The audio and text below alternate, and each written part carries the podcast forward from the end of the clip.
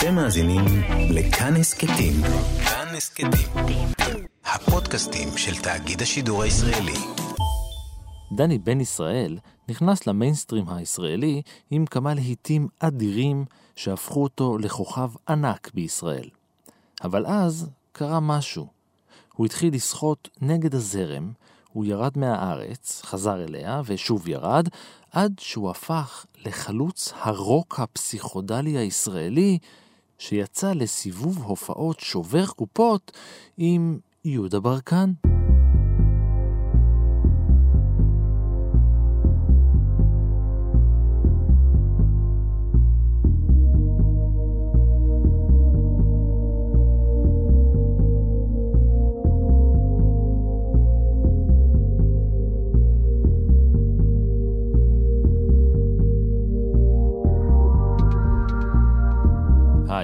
אני רן מנהר ואתם על מנהר הזמן. מדי פרק אנחנו מספרים לכם על מקרה שקרה בעבר מזווית שכנראה עוד לא הכרתם. הפעם, לציון שנתיים למותו של דני בן ישראל, אנחנו עולים לחיפה כדי לפגוש את החייל הזמר שנכנס למיינסטרים עם כמה להיטים, ואז שחה נגד הזרם.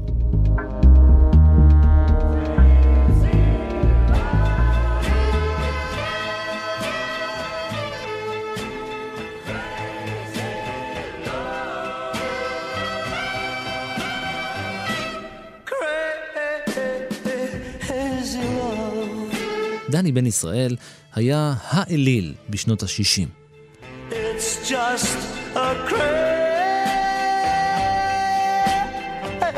love. Love. בתחילת העשור ההוא, בימים שלפני המלחמה ההיא, ששינתה פה את הכל, מלחמת ששת הימים.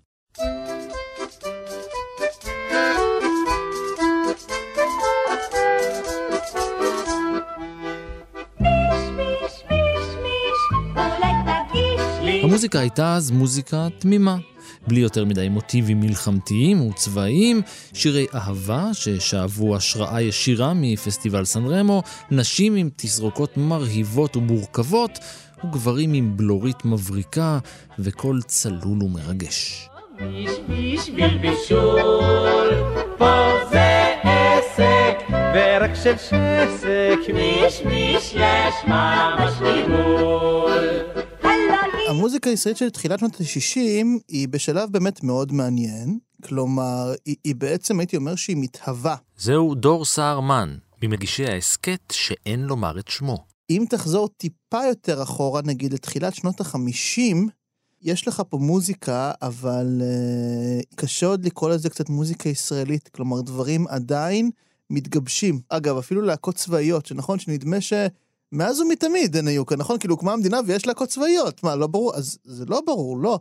בשנות החמישים הן הולכות ונפתחות, ולוקח להן טיפה זמן עד שהן גם צוברות אה, פופולריות. כלומר, באמת מסוף שנות החמישים, ובוודאי תחילת שנות השישים, אפשר להתחיל לדבר באמת על הלהקות הצבאיות הפופולריות. כלומר, גם הסאונד הזה שנראה כאילו, שוב, הוא היה כאן מאז ומעולם, רק בתחילת העשור השני של המדינה.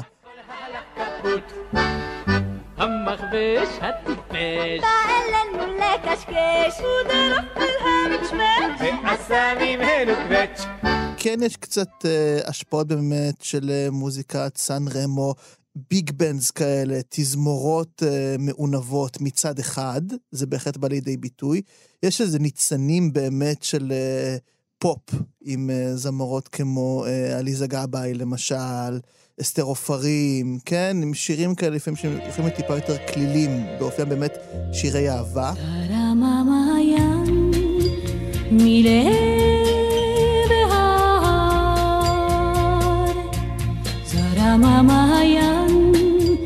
אין פה באמת רוק. כלומר, יהיה... קוטנר אוהב להביא כזה דוגמאות אה, מפה ומשם לאיזה להקה שהקליטה איזה שיר פה, שיר שם, אבל זה ממש עוד לא מגיע לכאן. יש כאן התפתחות של מה שנקרא לזה קצת שירי פולק. חבר'ה כמו הדודאים, הפרברים, כן, הצמדים, שגם זוכים להצלחה, בעצם מופיעים עם גיטריות אקוסטיות, אה, גם עם שירים אה, שהם מקבלים ממיטב הכותבים בארץ, וגם כל מיני עיבודים לשירי פולק עממיים, מאירופה, מדרום אמריקה, כן, הם שרים אותם פה בעיבודים לעברית. מה למדת בגן היום, ילד מתוק שלי? מה למדת בגן היום, ילד מתוק שלי? שתל אביב היא עיר יפה, כן. שאין עמל כמו בחיפה, שכאן כולם שווים חבר, אך כי יש כאלה ששווים יותר. את זה לימדו דני בן ישראל נולד בחיפה בשנת 1944 בשם דניאל רויר, וגדל אל תוך העשור הזה. עוד כשהיה עולל, נהגה אמו לשיר לו שירים בעריסה, בעיקר ביידיש. Hinter Bäumen wachsen Rosen, Heilululu. In der Böse Winden Blusen schlug new. וכיאה למסורת האירופית האשכנזית, בבית שעל הכרמל שמעו בעיקר מוזיקה קלאסית. לכן זו לא הייתה הפתעה גמורה שדני הקטן נשלח ללמוד לנגן על כינור. ב-1959, בגיל 15, נטש דני את הכינור ועבר למשהו קצת יותר רלוונטי לגילו ולתקופה. הוא החליף את ארבעת המיתרים והקשת בשישה מיתרים ומפרט, ועבר לנגן על גיטרה. אתם יודעים איך זה להיות בני נוער מתבגרים. הטעם המוזיקלי משתנה בבת אחת, האוזניים נפתחות לצלילים חדשים, והמרד מתבטא בין התווים.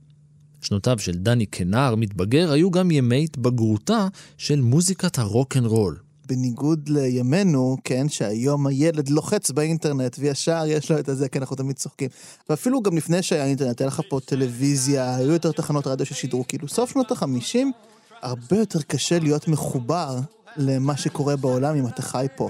זה סבבה שאלוויס מצליח, ואלוויס אגב הצליח גם בארץ, אבל באיחור קל. כשהוא כבר התחיל לדעוך בעולם, אז פה פתאום הוא נהיה קצת אה, להיט.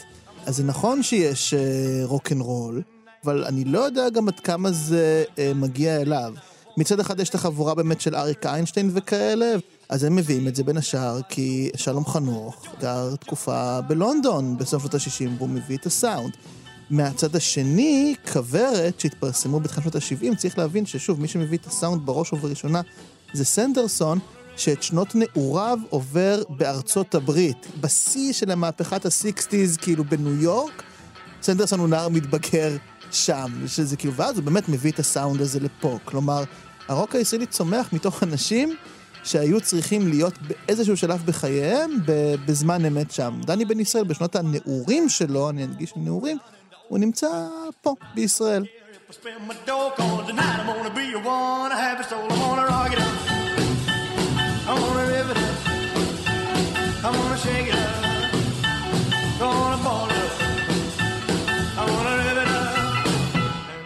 דני האזין לכל מה שרק אפשר היה להאזין, מג'רי לי לואיס וריצ'רד הקטן, דרך אברלי בראדרס ובובי דארין, ועד המלחמה הבלתי מזוינת בין אלוויס פרסלי וקליף ריצ'רד. רדיו רמאללה היה מקום המפלט האולטימטיבי שלו.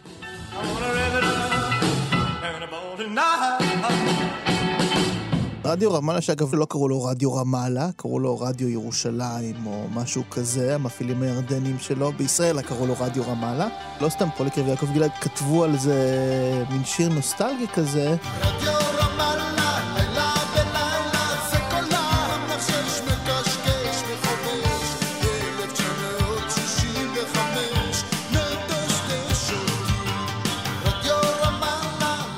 היית נער ישראלי בסוף שנות ה-50, ראשון שנות ה-60, זה היה המקום היחיד שבו יכולת לשמוע משהו שהוא לא הצ'יזבטרון או משהו כזה. אין עדיין את התפיסה של ערוץ רדיו שישדר מוזיקה קלה. זה אגב מתחיל רק באזור 63.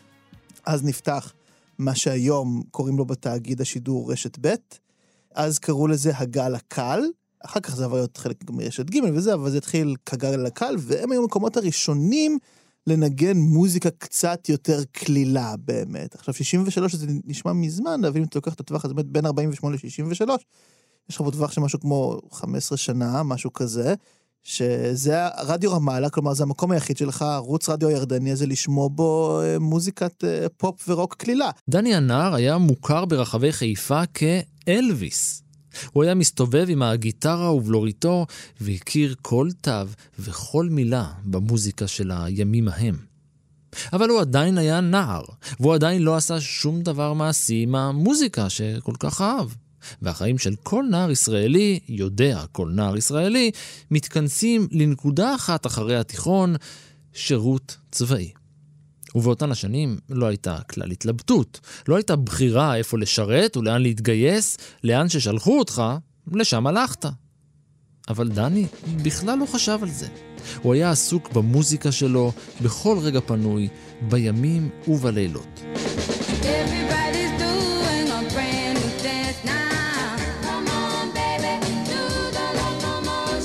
בכיתה י"ב, כשהלימודים התמעטו והבגרויות התרבו, נהגו הנערים, כמו נערים, להסתובב ברחובות העיר, לשבת על הברזלים במרכזים השונים, כמו על יד קולנוע ארמון או במרכז הכרמל, עד השעות הקטנות של הלילה.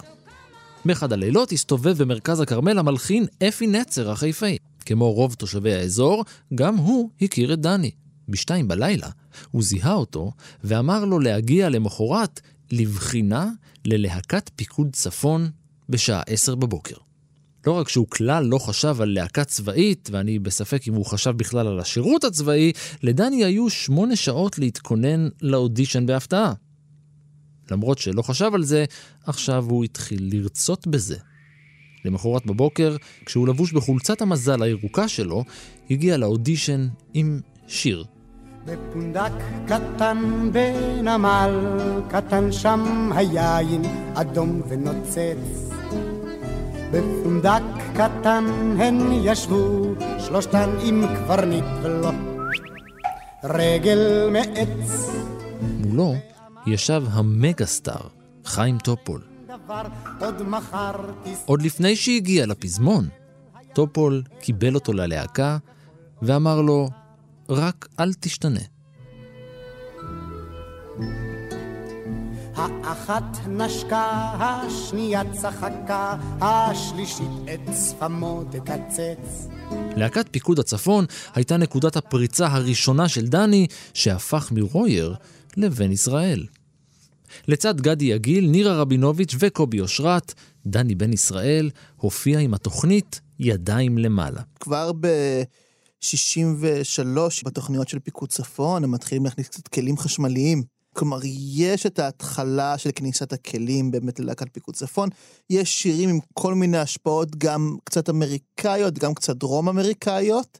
זה עדיין לא רוק, כן? כלומר, אה, זה לא המהפכה, נגיד, שקורית אחר כך, טיפה אחר כך, בלהקת הנחל באמת, נגיד, ב-69 עם שיר לשלום, זה שיר שפשוט לקוח, כן, כאילו מתוך המחזמר שיער אחד לאחד, ממש רוק, גיטרות וסול, ובלהקת פיקוד צפון אפשר באמת יותר לדבר, אני חושב, על השפעות. זה עדיין שירים אה, שהם בין לבין כאלה. זו הייתה רוח התקופה. הלהקה הפכה להיות פרט שולי אל מול הקהל. במקומה הלך ותפס את קדמת הבמה הזמר הבודד, החיילת הסולנית, הכוכבים האמיתיים שבלטו מתוך ההרכב כולו.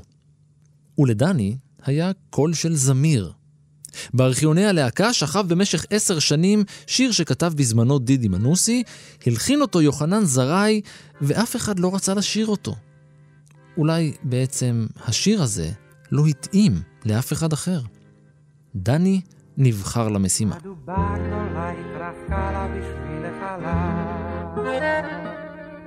גם הנוגה יצא לשוטט בדרכים אחרות. באשמורת שלישית כל כוכב כבר חולץ מעליו. הוא מכין את עצמו לכיבוי האורות. רק כוכב הצפון עוד בוער. רק כוכב הצפון עוד אוהר, כחייל נאמן, הוא ניצב בפינה, במשמרת שלישית אחרונה, כוכב הצפון, כוכב הצפון. השיר כוכב הצפון היה השיר לא מחכה כל זמר. הוא הפך לשיר הכי מזוהה איתו, השיר שלו.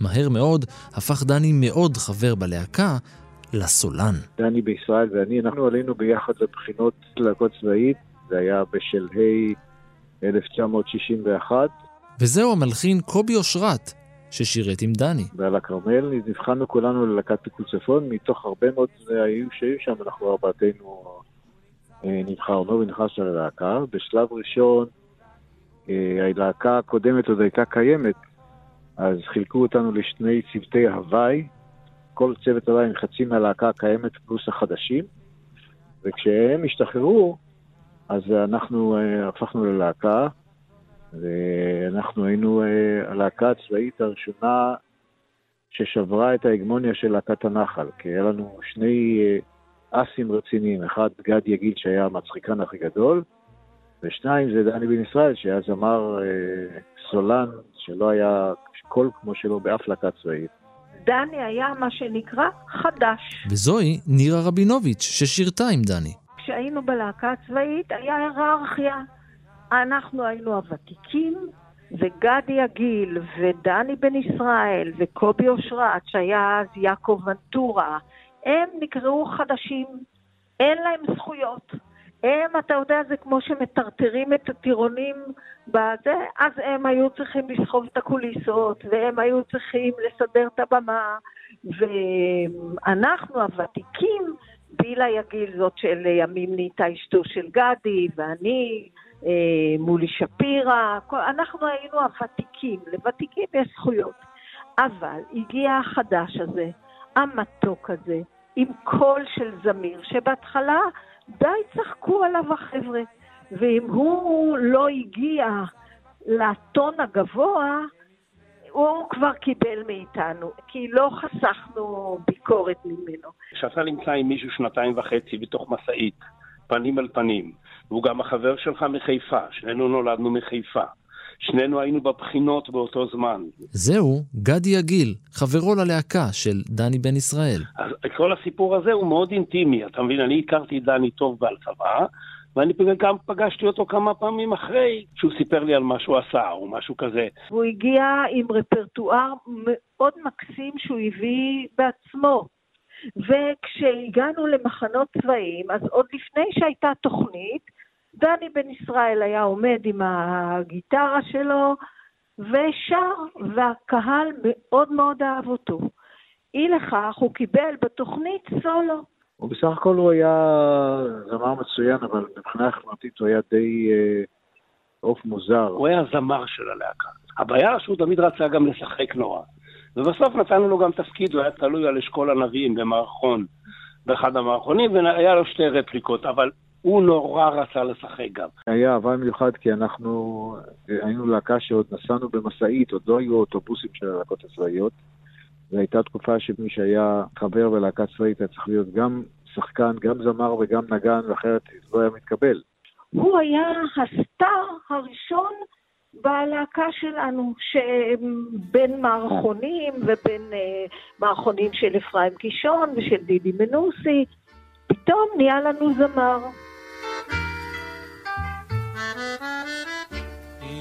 חמוש, דוד חמוש, עובר על פני ביתך, ואנוכי איתם חמוש הולך. שנה לאחר מכן דני הפיק מגרונו להיט נוסף, נר בחלונך, שמסמר אותו לראש טבלת הכוכבים בארץ בשנת 64. מעריצות, מכתבים, צרחות ברחוב, כל מה שכוכב חולם עליו. הגדוד מכיר את כל המשעולים, הנר הדליקי בחלון, בחלון, הוא יאיר את הדרך. השירות הצבאי כבר היה קטן עליו, והשחרור הגיע בדיוק בזמן. בשנת 1965 השתחרר מהצבא, ואיתו יצאה לאזרחות גם הבלורית המרשימה שלו. קריירת הסולו שלו עמדה מחוץ לבקו"ם. הוא נכנס לאולפן ושחרר אחרי שנה את האלבום הראשון שלו תחת השם דני בן ישראל.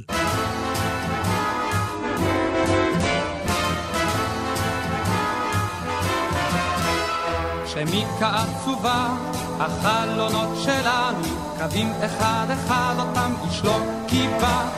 שמיקה עצובה, עד אז הוא הולך באמת במסלול מאוד אה, רגיל ומוכר, כלומר מעין מסלול של בדרן ישראלי ממוצע בשנות ה-60, הייתי אומר. כלומר, אז בכלל יש תפיסה מאוד מעניינת של בידור, שאני חושב שהיום היא נשארה באמת רק היום בימינו אצל אמנים בני 70 ומעלה. היום זה כבר לא קיים. כלומר, פעם הייתה תפיסה כזו שיש אמן בדרן, וגם יש לו שירי סולו, והוא גם יכול לעשות כמה קטעים מצחיקים, והוא גם יכול לשחק בתיאטרון, והוא גם יכול להנחות, והוא כאילו עושה את כל הדברים האלה ביחד, כן? רבקה מיכאלי, זו דוגמה לדברים כאלה. גם, היו כל מיני חבר'ה כאלה, נגיד יורם ארבל, שהתחיל ב, גם ב, בלהקה צבאית, ושר את אני אצבע את השלכת בירוק, ואז הגיע כבר לעולם השדרנים. יש כל מיני אנשים כאלה שנמצאים כזה בשדות הבידור הישראלי. וגם הסגנון שבו הם שרים הוא באמת סגנון כזה כמו באלבום דני בן ישראל. באמת אה, עיבודי אה, big band כאלה, פופ כזה יפה, עמוס בכלים, אה, שירים של ככה מיטב הכותבים של התקופה. אני לא יודע אם לקרוא לזה שמרני, כי היו גם דברים שמרניים יותר בוודאי גם מזה, אבל משהו מאוד מוכר, רגיל, המסלול אה, המוכר להיות אה, בדרן slash כוכב פופ בישראל. האלבום כולו היה אלבום בסגנון ה big band, כשמי שמנצח על המוזיקה הוא לא אחר מאשר זיקו גרציאני, והיו בו עיבודים חדשים לשירים מהקריירה שלו בלהקה הצבאית.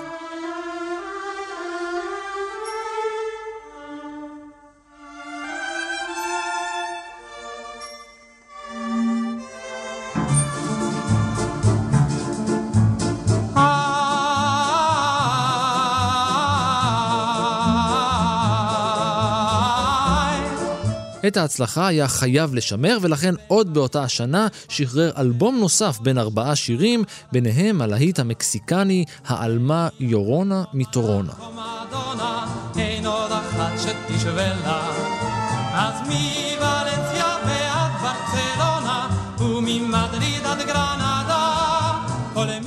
שנת 66 הייתה טובה עבור דני בן ישראל, והוא השתתף במחזות הזמר "המלך ואני", "גברתי הנאווה", והיה שותף להקלטות השירים של המחזות "מרי פופינס" וצלילי המוזיקה. את בת שש עשרה, בת טיפש עשרה, אל נא. עין פיקחי ואל תשכחי, תינוקת היזהרי. אבל משהו קרה בשנת 67, עוד לפני המלחמה. מוזיקאים ישראלים יוצאים לחו"ל ומופיעים, כן, אסתר עופרים שהזכרנו אותה, גם היא יוצאת ומופיעה בחו"ל עד ימינו אגב. הדודאים עושים מופעים בחו"ל ומפיקים להם כל מיני תקליטונים ושירים, ובכלל, זמרים ישראלים, חלקם אגב גם שמות שנשכחו לחלוטין, הם עושים אה, הופעות באירופה בעיקר אגב, בצרפת, בוודאי, באיטליה. זה לא קורה לכולם, אבל כן, בהחלט, אתה יוצא, אתה מנסה את מזלך בעולם, יש לך איזה אמרגן ככה, פליישר למשל, עם, אה, שזכור עד היום בזכות השיר שלו על אה, אבשלום בעיקר, בנו של דוד, כן, דוגמה שגם הוא היה, אגב, כוכב פופ ואליל הבנות. ב- בלהיטון אה, פרסמו פעם פוסטר בגודל טבעי של מוטי פליישר. גם בן ישראל יצא לווינה לנסות את מזלו. אולם המציאות הישראלית שינתה את פניה, מלחמת ששת הימים פרצה, ודני חזר ארצה לשירות מילואים פעיל. הוא גויס לצוות הוואי ובידור, והופיע מול חיילים יחד עם טובי הצפיר, חווה אלברשטיין והבמאי יקי יושע. שישה ימים של מלחמה, ובן ישראל חזר לווינה להמשיך את מה שלא הספיק. הוא הקים הרכב מוזיקה, ויחד הם הוציאו את האלבום יום הולדת רוקנרול בלייבל של CBS.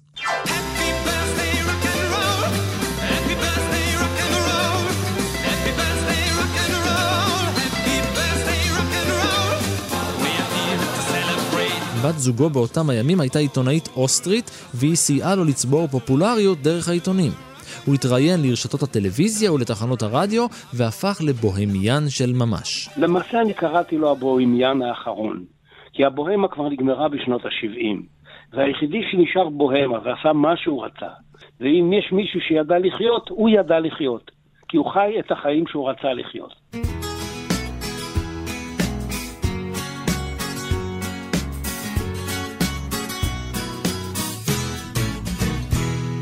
הם עזבו את ההורים. אולי השפעת המלחמה, אולי רוח התקופה, דני בן ישראל אימץ את המסרים לשלום, אהבה ורעות, וחזר לארץ בשנת 68 עם מוזיקה אחרת בראש.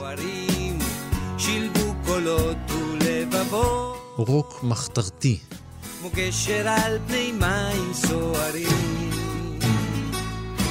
פסיכודליה. המוזיקה הפסיכדלית באמת כשהיא מגיעה לישראל, אז לוקח לה אמנם כמה שנים. דני בן ישראל הוא באמת חלוץ בעניין הזה, אבל למשל כבר באמת באלבום שבלול של אה, אריק איינשטיין ושלום חנוך, יש שם בהחלט אה, קטעים פסיכדליים מעניינים.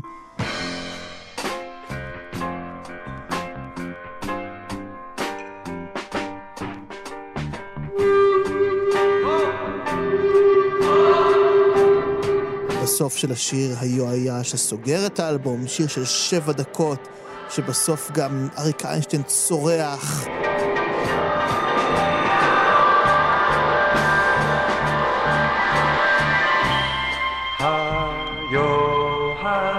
זה בהחלט משפיע, גם המסרים של ילדי הפרחים, גם הם נכנסים אגב, שיר שחלמתי על פג, צריך להבין על מה השיר הזה מדבר, כן, זה שיר שמדבר על הניסיון הכושל של אה, הצ'כים למרוד בשלטון הקומוניסטי, באמת כותבים את פראג כמעין שיר כזה אה, נגד האלימות ובעד השלום, מקליטים גרסה ישראלית ל-Give Peace a Chance, תנו צ'אנס לשלום. גם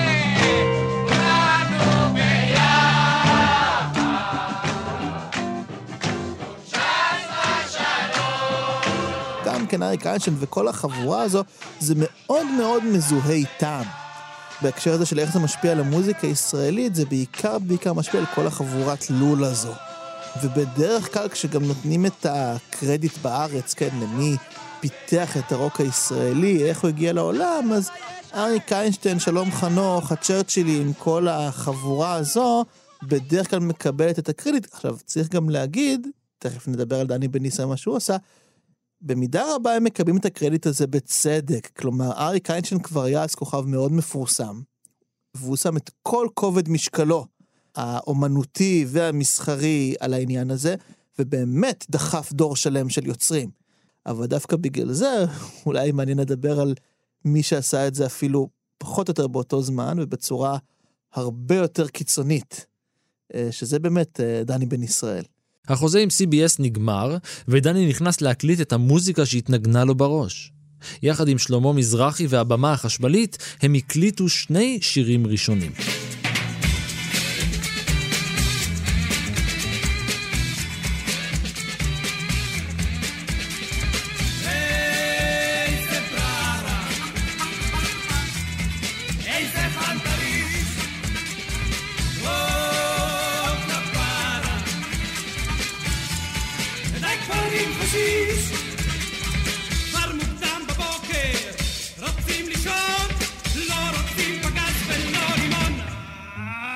הזה, כפרה, נאסר לשידור ברדיו בשל המילים שלו, כמו איזה בררה, איזה חנטריש, בואי כפרה, ודי כבר עם החשיש.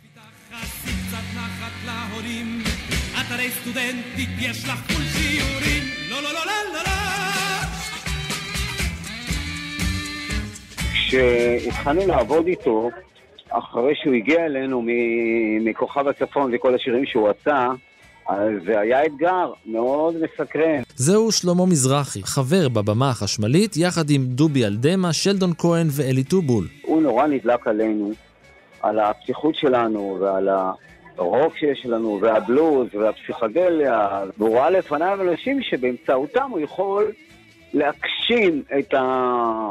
את החלומות המוזיקליים שהיו לו בראש, והיו לו למכביר. כן, הוא היה בן אדם קול, הכל סבבה, ישבנו, היינו רציניים, עבדנו, הכנו, המצאנו לו, עזרנו לו, עזרנו לו מאוד. הוא לא היה חבר להקה, הוא בא להפיק איתנו. ברמה מסוימת, אחרי שהתחלנו לעבוד ביחד, זה כבר התחיל לצלצל כמו להקה. למה אתה יודע, עובדים ביחד, גבולות מטשטשים. אבל אנחנו הבנו שזה בעצם, הוא עושה תקליט ואנחנו משתתפים איתו.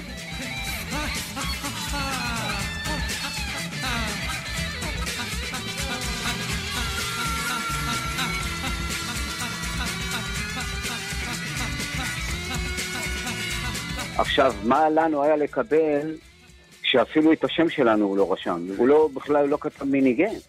אמנם לא ניגענו בכל האלבום, אבל אנחנו חתומים על רוב הדברים שם, על כל האווירה הזאת.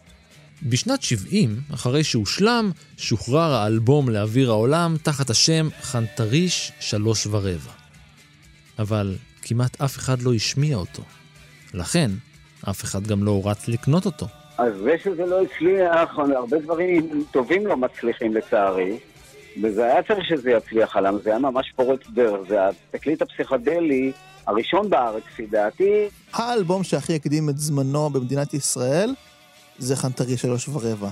הרבה פעמים אומרים על דבר שככה יצר השפעה דורות קדימה, זה הקדים את זמנו. אבל זה לא, כי זה השפיע, זה לא הקדים את זמנו, זה בא בדיוק בזמן. חנטרי שלוש ורבע הקדים את זמנו, כלומר אף אחד לא ידע בכלל איך בולעים את הדבר הזה. יש שם שיר כמו בנדום כל המסיבות. בן אדם! במקום כל המסיבות, וכשהכיוף שיר של תשע דקות, אם אני לא טועה. אה, והוא שר שם, מה אתה עושה בנדום כל המסיבות, אתה מאונן, יענו עושה ביד, כאילו, מה שר שם עכשיו? זה- השנה היא 1970, נכון שמשהו התחיל להיפתח, בעוד שאר החבר'ה, כן, מעיזים עוד לשיר קצת על פראג, וכשאת בוכה את לא יפה, אז כאילו דני בן ישראל לא שר על אה, אהבה חופשית ועל זה, הוא בא למישהו ואומר לו, אתה מאונן? כאילו, מה- זה, זה מדהים. גם היום לא ממש מקליטים אה, דברים כאלה במיינסטרים, בוא נגיד. הבעיה עם חנטריש שלוש ורבע, שהוא באמת אלבום עם, עם סימפולים ממגילת העצמאות, ופסיכדליה משוגעת, זה שהוא לא, לא הותיר אחריו מורשת פסיכדלית ראויה. זה היה אלבום אדיר, שהיה פשוט קיצוני מדי, כדי שיהיה אפשר אה, לבלוע אותו מהבחינה הזו. כיוון שלא הצליח מסחרית, מספר העותקים של חנטרי שלוש ורבע שכן יצאו לשוק היה מצומצם, והיום הוא נחשב לפריט נחשק בקרב אספני המוזיקה. הכישלון הזה היה הקש ששבר את בן ישראל. הוא שוב עזב לאירופה, שם הוא כתב את השיר The hippies today are the assholes of tomorrow.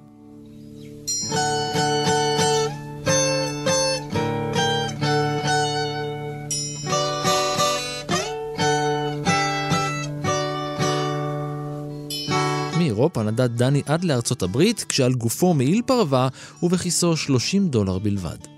הוא חי בבית מלון רעוע ועלוב, והופיע בניו יורק במועדון לילה. זה היה השפל של חייו. יחד עם כמה מכרים מקומיים בגרינוויץ' ויליג' הוא הקים הרכב פאנק מקומי, ויחד הם יצאו לסיבוב הופעות. אמנם במועדונים ובברים קטנים של השכונה, אבל עדיין. ואז הגיעו הישראלים.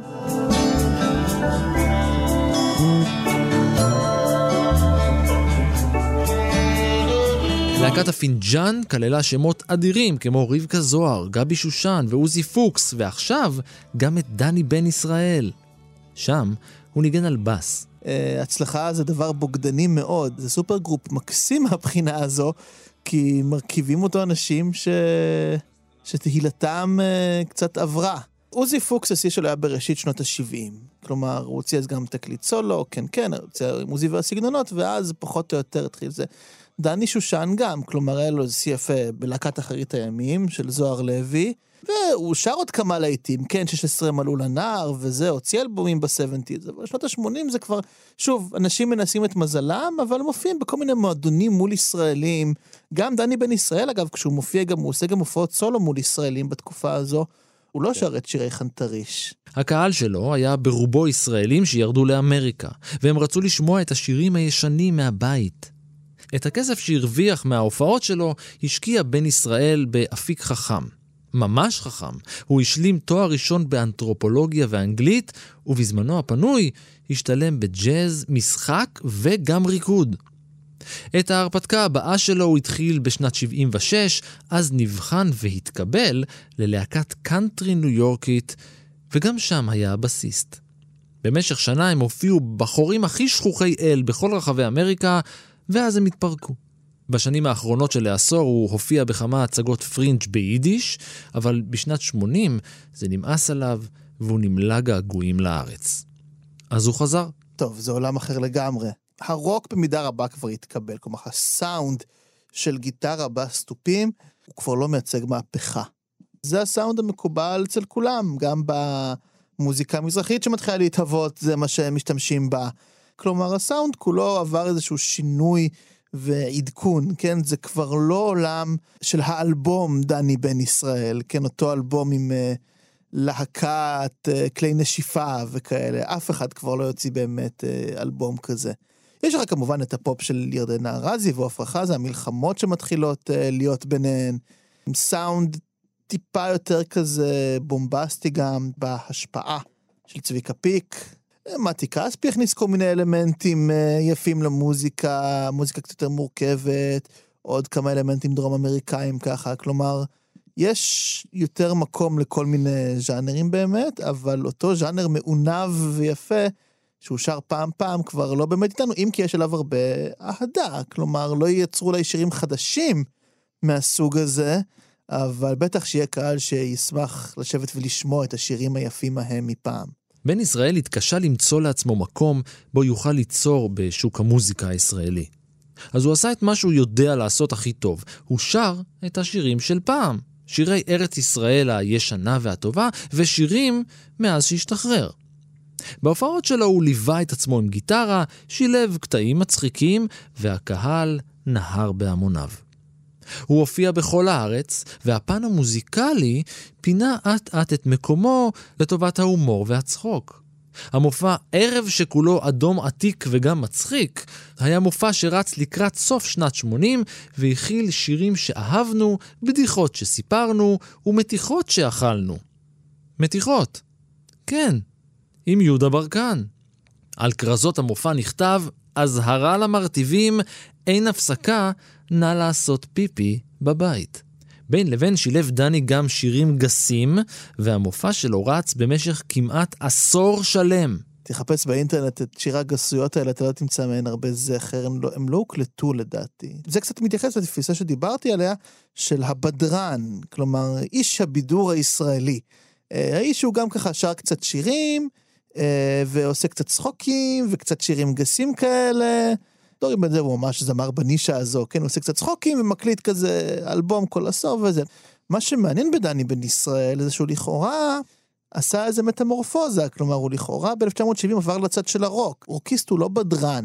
לרוק יש מאוד uh, את הרעיון שהזמר אותנטי ושר מדם ליבו, וחנטרי שלוש ורבע הוא בהחלט משהו שבו דני בן ישראל צועק צעקה. ולכן זה מעניין שכנראה בגלל בעיות של פופולריות, כלומר, הוא לא מצליח להיות בתדמית הזו, אז הוא צריך לעשות איזה רוורס למישהו היה לפני זה, כי זה מה שהקהל רוצה לשמוע. הוא רוצה לשמוע את השירים היפים של את כוכב הצפון. תן לנו כוכב הצפון. היוזמה הבימתית הבאה של בן ישראל נולדה לקראת שנות התשעים ונקראה ראשים לבנים. זה היה הרכב מוזיקה שהופיע בכל הארץ ואפילו שחרר סינגל לרדיו, אבל הקהל דרש שירי גסויות ובדיחות. דני בן ישראל מאס בזה. לך לישון עבד יגע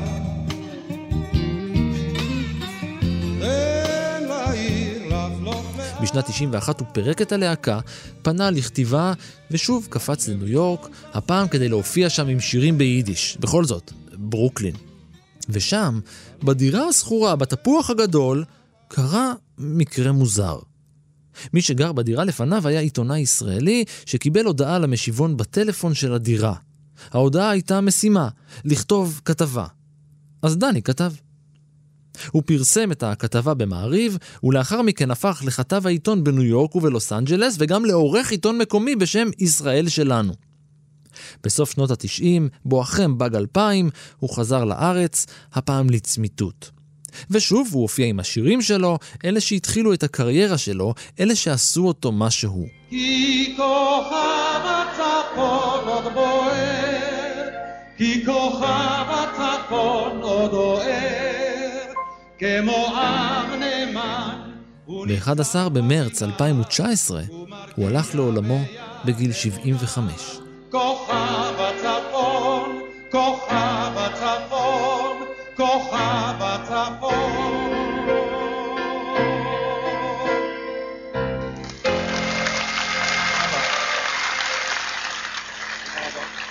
חזר לארץ בפאזה האחרונה שלו, אז באמת סוף סוף הגיע דור של אנשים שהכיר בחנטרי שלוש ורבע. זה יצא פעמיים מחדש, פעם אחת בדיסק, פעם שנייה תקליט ממש לא מזמן. היה צריך שיחלפו איזה 30 שנה, דור שלם בעצם, אנשים שלא גדול כוכב הצפון, אתה מבין? זה מה שהיה צריך. שמחפש גם את הסיפורים שלא סופרו, שמחפש את הגיבורים הלא מושרים של מהפכת הרוק הישראלי. כי כולם כבר דיברו על, על, על כוורת ועל אריק איינשטיין וכל אלה, ואז באמת יש פתאום עניין, מגלים מחדש עניין בחנטרי שלוש ורבע, ואז במדענים בן ישראל מצד אחד מופיע טיפה עם שירי חנטרי, שוב גם שירי הגסויות, שירים נוסטלגיים לקהל, כן, שמכיר אותו, אבל מתחילה טיפה הכרה, כלומר אנשי האוזן השלישית מארגנים לו כמה אה, דברים בתדר, עושים לו איזה אירוע. הדור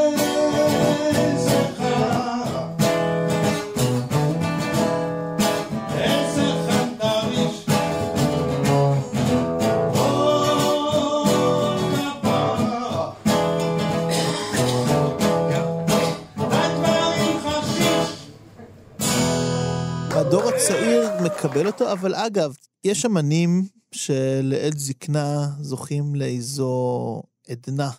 אצל דני בן ישראל זה לא ממש קורה. כלומר, גם כשיש איזה התלהבות, או משהו כזה, זה התלהבות קטנה, זה, זה סצנת השוליים מתלהבת מדני בן ישראל. הוא לא ממלא את הברבי, הוא מעולם קצת לא ידע עדנה מהבחינה הזו. אבל האכזבה המרה שלו מהעובדה שזה לא התקבל טוב, שברה משהו שהיה יכול להיות התחלה של קריירה גם בצד השני, כלומר קריירה של איזשהו אה, רוקר אה, שיעשה משהו כזה. כסמל, דני בן ישראל אה, הוא חשוב מאוד, הוא המורד האולטימטיבי. אדם שהיה לו את המסלול הכי בטוח שיכול להיות. היה יכול לקבל בקלות פרס ישראל, היה הופך להיות אה, מגיש בדרן, אה, זמר אהוד מאוד, כן? כלומר, אה, מככב בסדרות טלוויזיה ובסרטים. היה לו את זה, הוא היה לגמרי על המסלול הזה. אז מה קרה? הוא לא רצה את זה.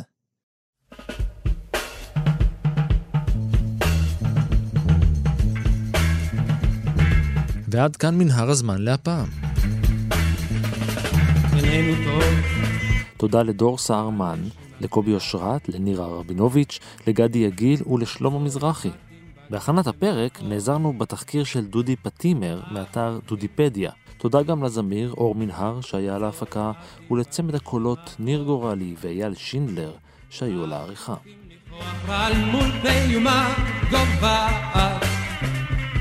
אנחנו יוצאים לפגרה קצרה, נשוב אחרי יום העצמאות. בינתיים, אתם מוזמנים להאזין לכל כמעט 200 הפרקים שלנו, באתר שלנו, באפליקציה כאן, בכל יישומון הסכתים אחר וגם באפליקציית הרכב של כאן.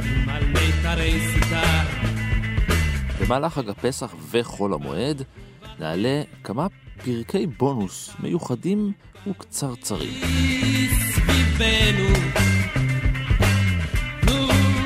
אני רן מנהר, נשוב וניפגש אחרי הפגרה.